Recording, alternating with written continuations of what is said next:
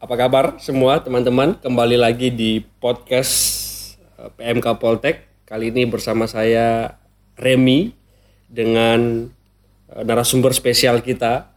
Biasa saya panggil Om David. ya, Om David ini gembala di GKI Immanuel Denpasar. Betul Om? Iya. Ya, gimana Om? Gimana kabarnya? Apakah dalam keadaan sehat atau Syukur oleh pertolongan Tuhan sampai hari ini baik-baik dan sehat-sehat saja.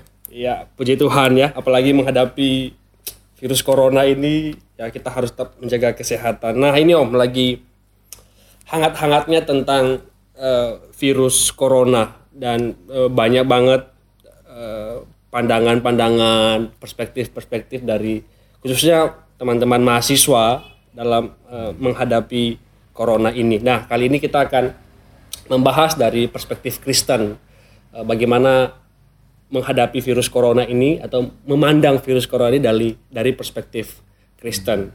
Nah, saya sudah mengumpulkan beberapa pertanyaan. Saya pikir ini mewakili pertanyaan teman-teman semua dan hari ini kita akan kupas secara mendalam dan sambil santai-santai saja sambil menyeruput teh atau kopi yang ada ya teman-teman pendengar juga di mana pun berada bisa menikmati hal yang sama. Oke gini om, pertanyaan pertama ini agak memang agak nyeleneh gitu ya, tapi menarik juga gitu ya. Pertanyaan begini, apakah corona atau COVID-19 ini itu hukuman Tuhan untuk umat manusia?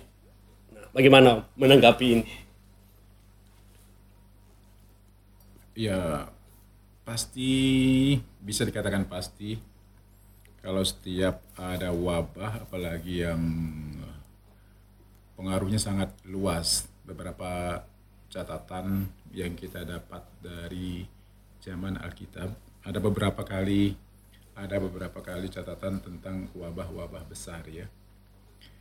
Kalau ini memang kebetulan juga berkaitan sama-sama eh, apa namanya situasinya dekat Paskah begitu ya. Mungkin ini sudah viral juga, gitu ya. udah viral juga kan itu ya. Apakah ada hubungannya eh, termasuk isolasi 14 hari itu dengan peristiwa Paskah pertama yang dirayakan di Mesir? Semua dihubungkan. Ya, semua kan sekarang dihubungkan. Bahkan begitu kemarin eh, muncul eh, corona, ada yang ngitung. C-nya nilainya tiga, O berapa, lalu A-nya satu. Jadi, 66. jadinya Jumlahnya, jadinya totalnya 666 gitu ya. Lalu banyak orang kreatif di dalam eh, situasi seperti ini. Eh, memang kalau di, di semua dihubung-hubungkan, ya itu pun masih misterius. Misteri bagi banyak orang untuk hal ini. Tetapi ini bukan wabah satu-satunya yang pernah terjadi yang sifatnya eh, universal. Jadi kalau di dalam Alkitab juga pernah terjadi tulah, katakanlah demikian sampai 10 tulah dan yang tulah yang terakhir bagi eh, orang Mesir di bawah pimpinan Firaun yang tidak mengindahkan tidak mengindahkan eh, rancangan Tuhan pada waktu itu sampai akhirnya anak sulung mati. Jadi itu bisa dikatakan bahwa karena karena manusia mengeraskan hati di hadapan Tuhan maka terjadi terjadilah bencana atau terjadilah wabah, terjadilah tulah yang seperti itu. Kalau pertanyaannya sekarang apakah juga ini uh, corona COVID-19 ini bagian ataupun Tuhan murka terhadap dunia ini? Uh, setiap sesuatu yang dahsyat, yang besar yang terjadi, saya uh, mungkin ini pandangan pribadi, kalau bisa dikatakan demikian, pasti ada rancangan Tuhan di balik semuanya itu.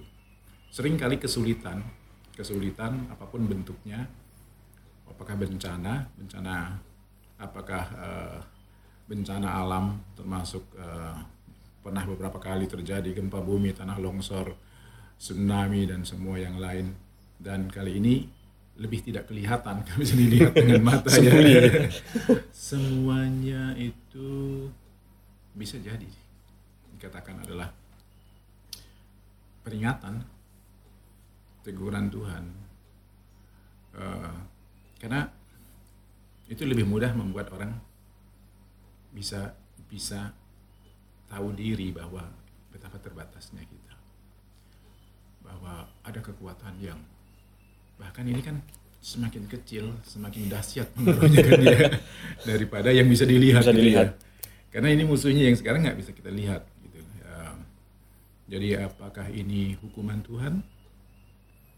Sejak manusia jatuh ke dalam dosa, sejak dosa itu masuk dan ciptaan ini jatuh ke dalam ke dalam dosa, eh, kerusakan terjadi dalam banyak hal, termasuk juga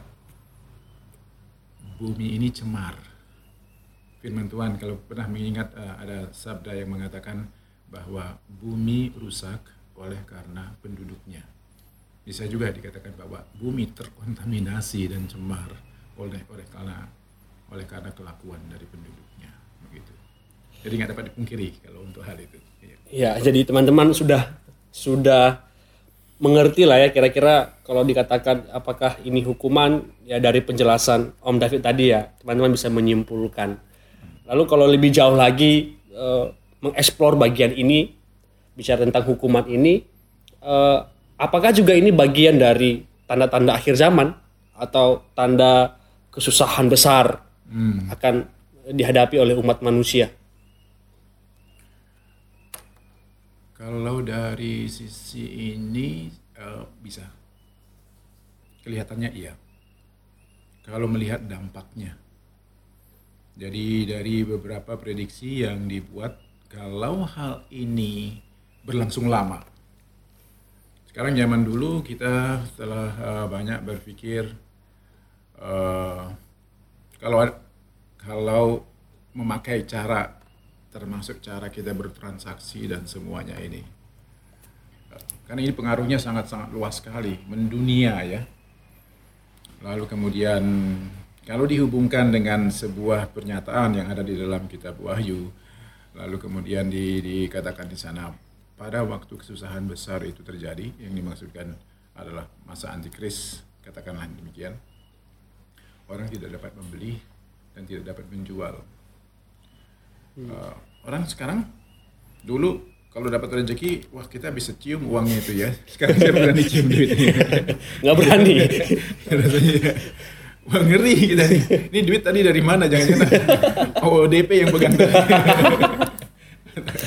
Siapa pegang uang ini terakhir? Kita begitu cepat sekali. Kita masuk ke minimarket, lalu kemudian kita belanja, kita lalu kita beli belanja lagi yang lain. Udah berapa berapa kali pindah tangan untuk hal itu ya. Jadi em, apakah ini ada adalah tanda-tanda tanda-tanda dari akhir zaman untuk hal ini. Pengaruhnya yang mendunia. Karena selama ini belum pernah ada situasi yang seperti ini yang pengaruhnya begitu kuatnya, begitu dampaknya begitu luasnya. Eh, sampai-sampai siapa yang selama ini ormas mana yang bisa menghentikan kegiatan gereja? Katakanlah demikian ya. Rasanya belum pernah ada. Yang katakanlah yang eh, front line dari yang garis keras bagaimanapun orang Kristen tetap bisa berdiri di sana taruhan nyawa untuk Betul. berdiri ya. Kita harus tetap kebaktian katakanlah seperti itu. Tetapi sekarang semua punya kesadaran sendiri bahwa kita menghindari perkumpulan orang banyak. Lalu kemudian karena mendengar, mungkin juga karena pengaruh media yang begitu kuat sekali. Tentu banyak hal mempengaruhi. Bukan hanya kita yang di Bali, seluruh Indonesia. Apalagi ketika video yang dari Korea itu eh, viral, viral oleh karena gerejanya membandel lalu kemudian oleh kelakuan dari satu orang lalu kemudian 4.000 orang yang eh, terinfeksi Eh, lalu videonya sampai kepada banyak orang dikatakan bahwa pendetanya pun sekarang menjadi pesakitan dan Tersangka. menjadi tersangka lalu kan sedang dalam tuduhan pada pembunuhan massal Eh, kita tidak mau mengambil risiko ataupun menjadi penyebab untuk hal itu Apakah ini tanda akhir zaman? Sesuatu yang berpengaruh begitu luas. Saya menerima beberapa pesan WhatsApp dari teman-teman yang sedang ada di negara-negara maju. Mereka katakan sama situasinya. Bahwa mereka juga nggak bisa berkumpul bersama-sama. Tanda-tanda ini apa yang belum pernah terjadi uh, semua tertulis di dalam di dalam Alkitab.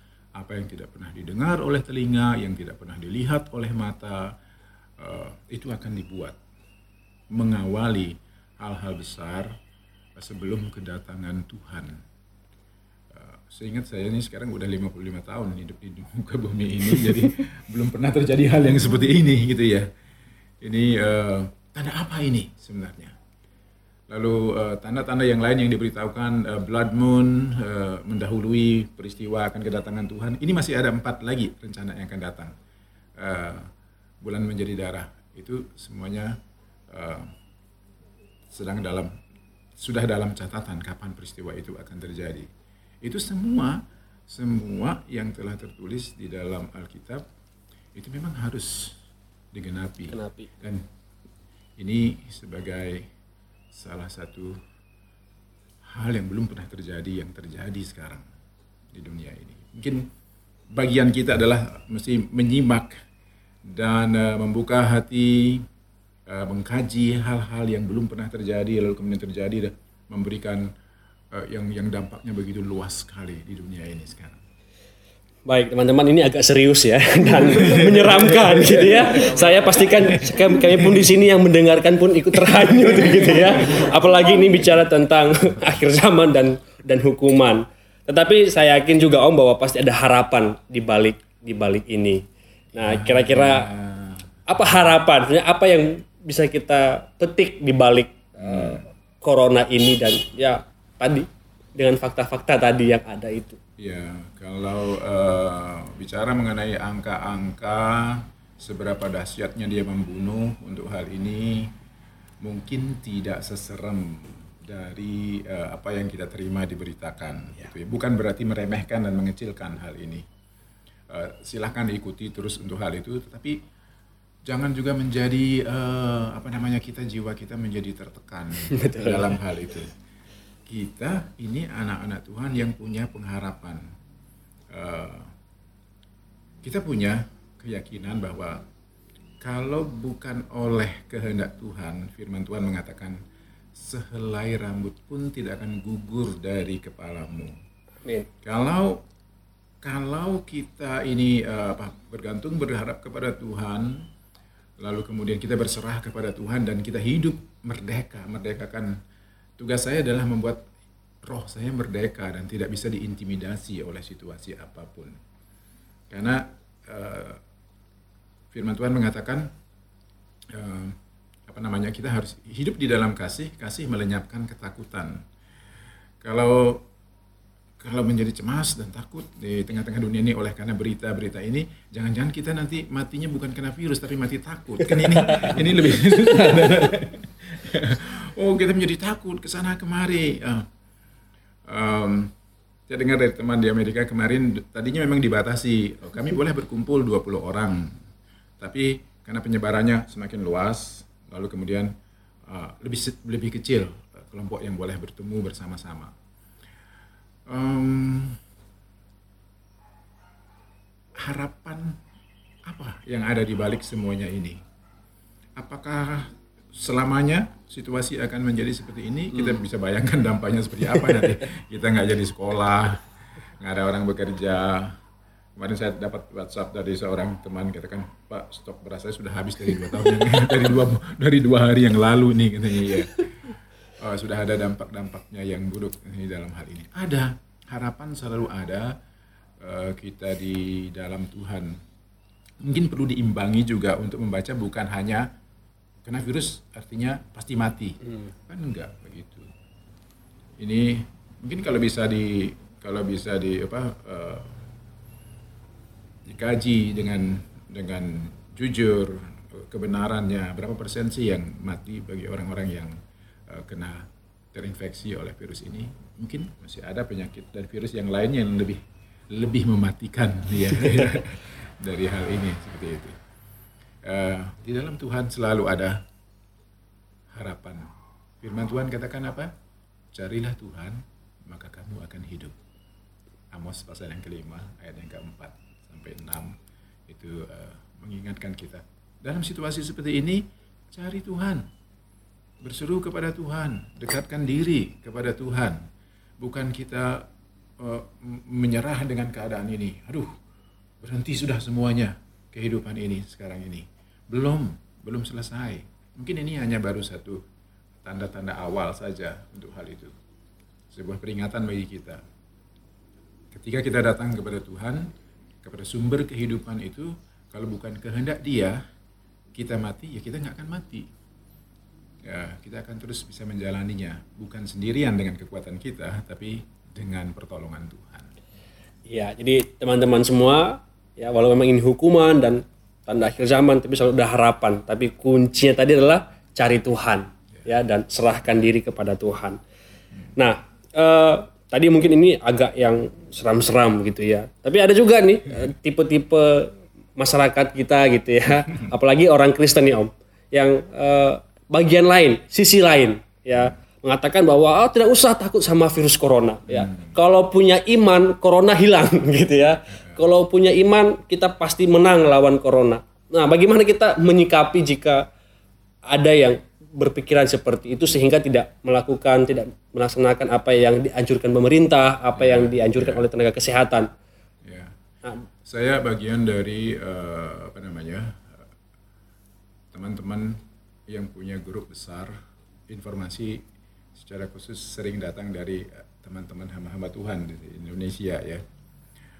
Yang juga adalah banyak orang-orang yang sangat punya iman besar dalam situasi seperti ini.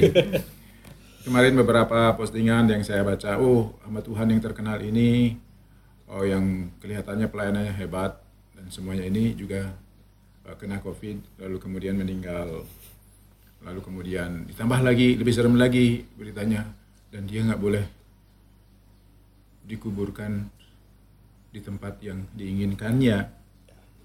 Bahkan tak ada seorang pun yang hadir, hanya tiga orang yang yang hadir uh, apa namanya untuk hal itu. Jadi uh, itu itu situasi situasi yang realnya tadi. Apa tadi uh, ya Apa namanya? Poin pertanyaannya yang yang terakhir itu? Bagaimana dengan uh, memandang bahwa kalau kita beriman, okay. kita tidak takut sama corona, corona sehingga cenderung mengabaikan himbauan pemerintah, oh, cenderung okay, yeah. uh, tidak tidak mengikuti lah apa yang dianjurkan.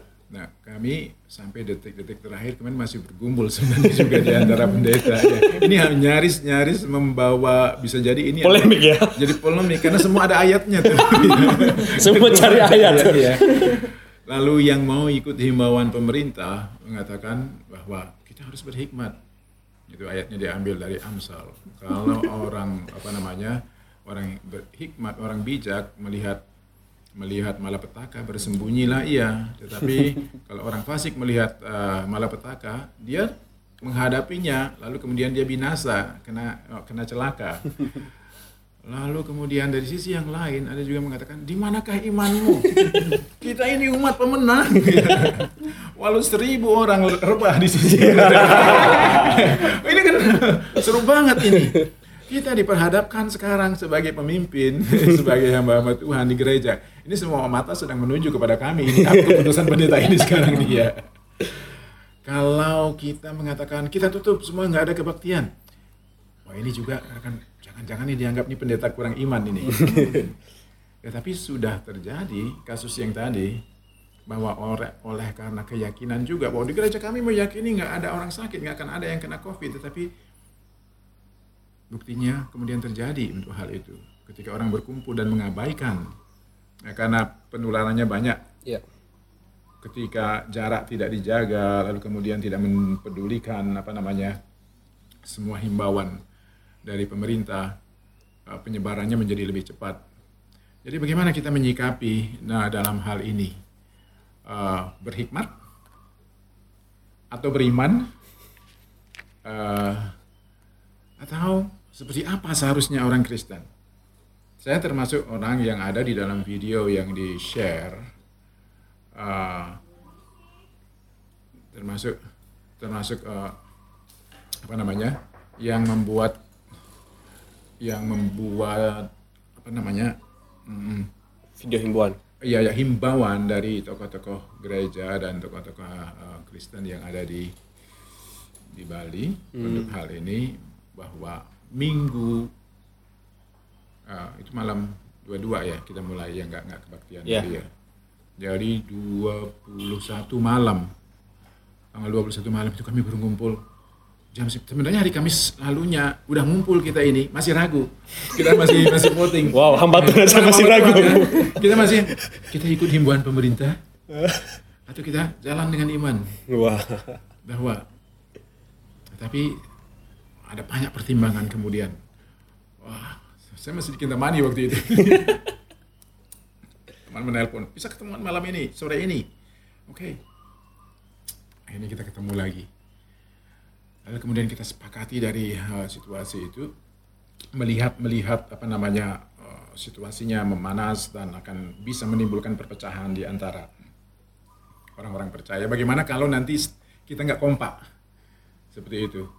Uh, oh, yang yang melakukan tetap melakukan uh, ibadah di gereja silahkan jalan. Lalu kemudian yang tidak, uh, ini peluangnya sangat besar sekali untuk kemudian nanti akan ada penghakiman. yang beriman akan menghakimi kamu tidak kuat iman, lalu kemudian yang beriman lalu kemudian kena musibah, lalu kemudian yang telah taat kepada pemerintah katakan, nah loh, ini semua berpeluang. Em, ada celah di dalam setiap keputusan itu untuk hal yang buruk. Kami sepakati bahwa arahkan semua jemaat untuk ibadah di rumah-rumah. Pemerintah tidak melarang kita untuk berdoa. Ini menghimbau yang pasti perhitungan pertimbangan-pertimbangannya untuk kebaikan dari seluruh masyarakat di mana kita berada. Karena dalam hal ini antara berdoa dan bertindaknya mesti harus ada seirama juga kan dalam hal itu. Karena ada apa yang eh, firman ini dikatakan berdoalah kamu untuk kesejahteraan kota, Kota. ke mana kamu aku buang. Karena kesejahteraannya adalah kesejahteraan Yeremia 29 ayat 7. di dalam hal ini ini perlu tindakan yang mensejahterakan ya. Tindakan-tindakan iman yang mensejahterakan. Pasti ada akan terkait dengan pertanyaan apakah Tuhan marah nggak? Kalau orang nggak nyanyi lagi di gereja gitu ya. Atau dengar khotbah dari video. iya memang kita arahkan begitu oh semua teman-teman juga di yang dalam uh, grup kemarin kami live streaming udah diperingatin juga sama teman-teman nggak memuaskan hasilnya nggak seperti live Langsung. di gereja langsung ya.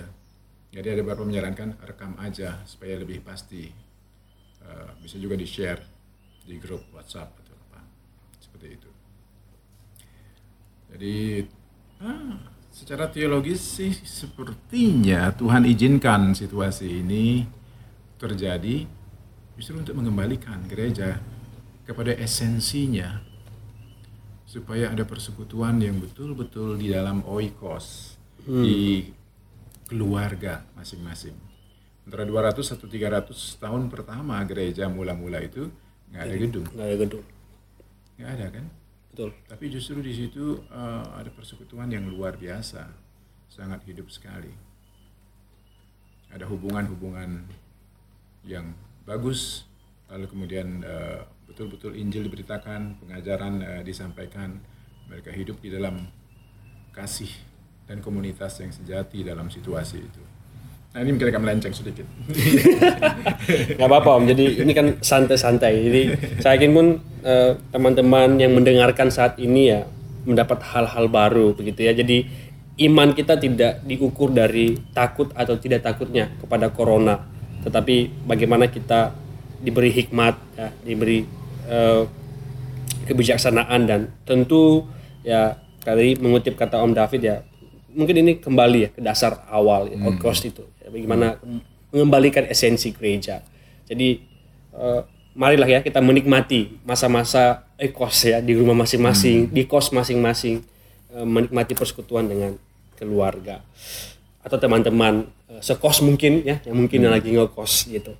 Uh, pertanyaan berikutnya, Om. pertanyaan berikutnya ini adalah uh, saya masih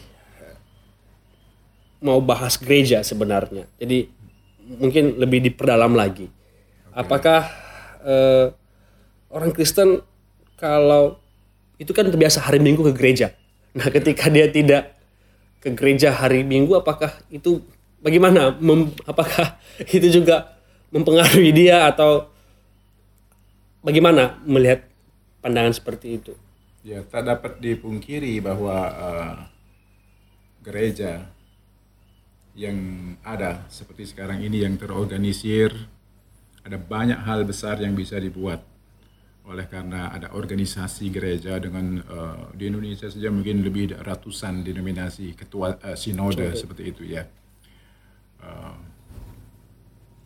tak dapat dipungkiri Tuhan juga berkarya melalui lembaga gereja uh, yang am, yang universal di seluruh dunia. Tapi dalam dalam kondisi seperti ini, uh, apa maksud Tuhan kira-kira mengizinkan hal ini terjadi? Apakah seperti pertanyaan saya tadi, apakah Tuhan kurang dimuliakan secara teologisnya kalau umat, kalau orang Kristen tidak lagi kumpul, lalu kemudian membuat perayaan-perayaan full dengan musik yang full full band yang ada di sana, ada song leader, ada singer, ada usher, dan uh, tradisi yang luar biasa, apa pun bentuknya, apakah dinyanyi, uh, Tuhan dipuji dengan lagu himne, ataupun dengan kor-kor pendek, dengan uh, apa namanya worship song yang bagus, semuanya itu. Secara teologis sih enggak. Tuhan tidak akan berkurang kemuliaannya, walaupun hingar-bingarnya nyanyian-nyanyian rohani dan musik itu terpaksa berhenti dan tidak lagi dinyanyikan di gedung gereja. Karena gereja yang sesungguhnya bukan gedungnya, tetapi adalah kita, orang-orangnya ini. Nah, di sini juga akan teruji. Betul. Apakah ketika dalam kesunyian kita tetap terhubung kepada Tuhan? Karena pernah ada joke yang mengatakan seperti uh, sebenarnya Roh Kudus sudah lama tidak ada di gereja itu. Sudah diangkat lama dari bumi ini, tapi mereka masih tetap bisa menyanyi rohani gitu. Bisa jadi. Saya penasaran, eh, saya saya cukup cukup apa namanya uh, serius ketika membaca salah satu buku yang ada di rak itu ada orang yang pernah mengadakan riset yang diukur itu apa? Hadirat Allah dalam gereja. itu gimana dengan ya? Mengukur hadirat Tuhan di dalam gereja. Katanya kalau hadirat Tuhan itu benar-benar ada, dia pakai itu pada waktu itu adalah ukurannya ketika Raja Daud membawa tabut perjanjian itu pindah dari rumah Obed Edom ya. Mm -hmm Lalu kemudian ada hal yang dahsyat yang terjadi. Lalu ketika itu uh, lembu kereta itu meleset, lalu kemudian Usa menyentuhnya, mati. dia mati di situ.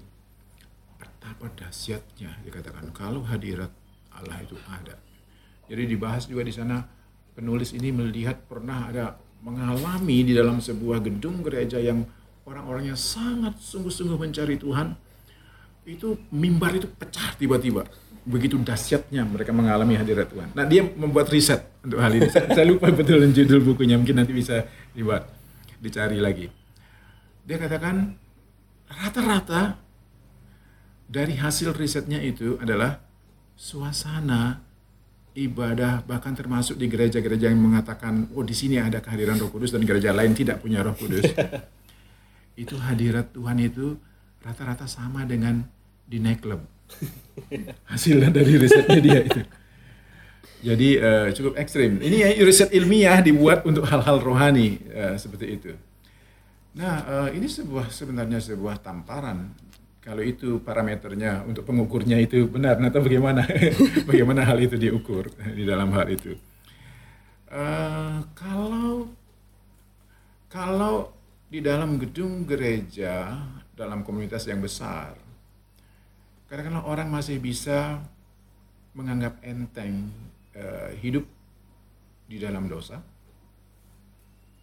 Ini banyak hal terungkap bisa jadi. Karena pernah uh, saya mendapatkan dari hasil percakapan bahwa beberapa chattingan untuk selingkuhan itu terjadi ketika sedang latihan korban. Ngeri nggak? Beberapa.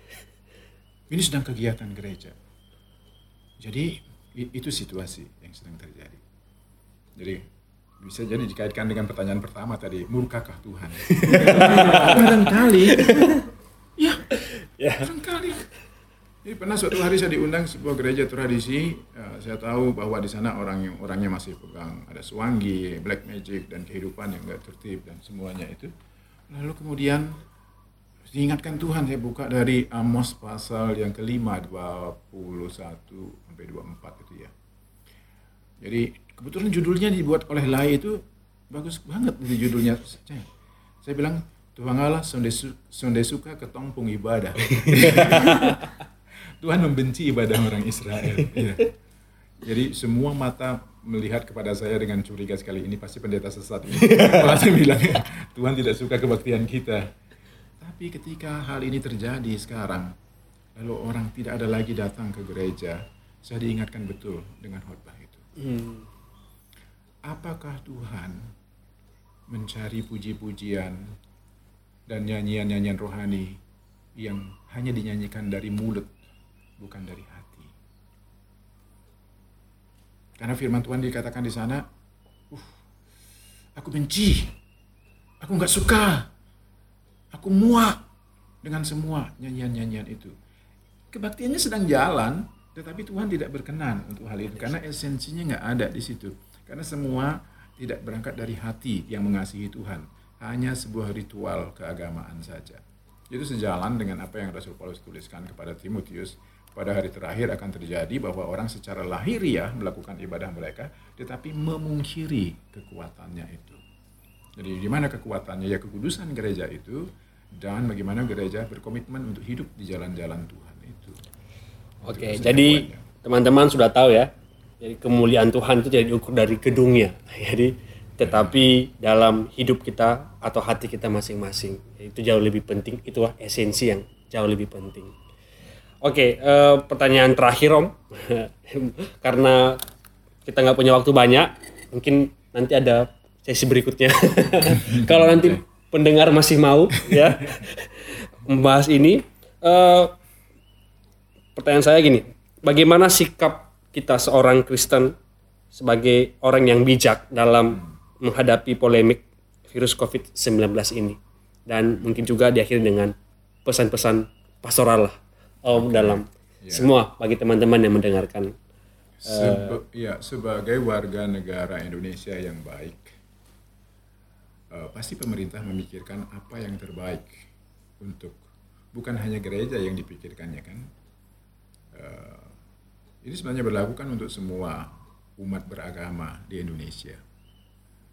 Kita tahu bahwa kita agama apa pun punya ritual-ritual keagamaan dan melibatkan banyak orang ada ada ayat juga yang menuliskan untuk hal itu dalam Roma pasal yang ke-13 tunduklah kepada otoritas yang ada di atasmu. Dalam hal ini uh, belajar dari negara-negara lain yang mengabaikan lalu kemudian kena celaka. Orang bijak katanya belajar dari pengalaman buruknya. Tapi orang yang lebih bijak belajar dari pengalaman orang lain. Mari uh, sebagai pendeta sebagai hamba Tuhan saya menghimbau mari kita minta hikmat Tuhan dan beri hati berdoa juga supaya kita diberi hati yang rela untuk uh, menguasai diri untuk tidak ada dalam kerumunan banyak. Kalaupun mungkin nanti akan ada lebih longgar sedikit, uh, memang ada beberapa celah kemungkinan kita tetap bisa berkumpul dengan menjaga jarak seperti itu. Uh, ikuti ketentuan-ketentuannya untuk hal itu. Rasanya tidak perlu terganggu dengan iman di dalam hal ini. Kita bisa berdoa dari mana saja di dalam hal ini. tentu sebagai sebagai uh, pimpinan gereja juga saya pikir wah ini bagaimana karena kemarin timbul pertanyaan juga Pak ini bahaya ini kalau kita nggak kebaktian ini ada income gereja kita ini bahaya juga itu. Kalau PMK nggak ada income PMK juga. Iya. Oke, eh, di sini sebenarnya adalah ujian seberapa kuat komitmen kita terhadap komunitas kita. Ini adalah ujian semuanya ini. Apakah kita akan terus eh, hidup di dalam komitmen kita untuk kehidupan dan kelangsungan dari komunitas kita? Apakah itu komunitas sejati atau hanya sebuah eh, tradisi aja selama ini? Kalau dia eh, adalah komunitas sejati, kita akan membayar harganya justru dalam situasi sulit ini supaya komunitas kita akan tetap jalan terus. Baik, terima kasih Om untuk pemaparannya, untuk eh, jawaban-jawaban yang diajukan sama teman-teman semua. Semoga ini bisa menjawab pertanyaan teman-teman semua. Dan akhir kata demikian obrolan santai Remy dan Om David. Sampai ketemu di podcast berikutnya. Terima Tuhan Yesus kasih. memberkati. Tuhan memberkati. Ya, demikian obrolan santai tadi. Semoga kalian terberkati dengan podcast ini. Dan jaga kesehatan selalu. Jangan lupa cuci tangan. Dan Tuhan berkati.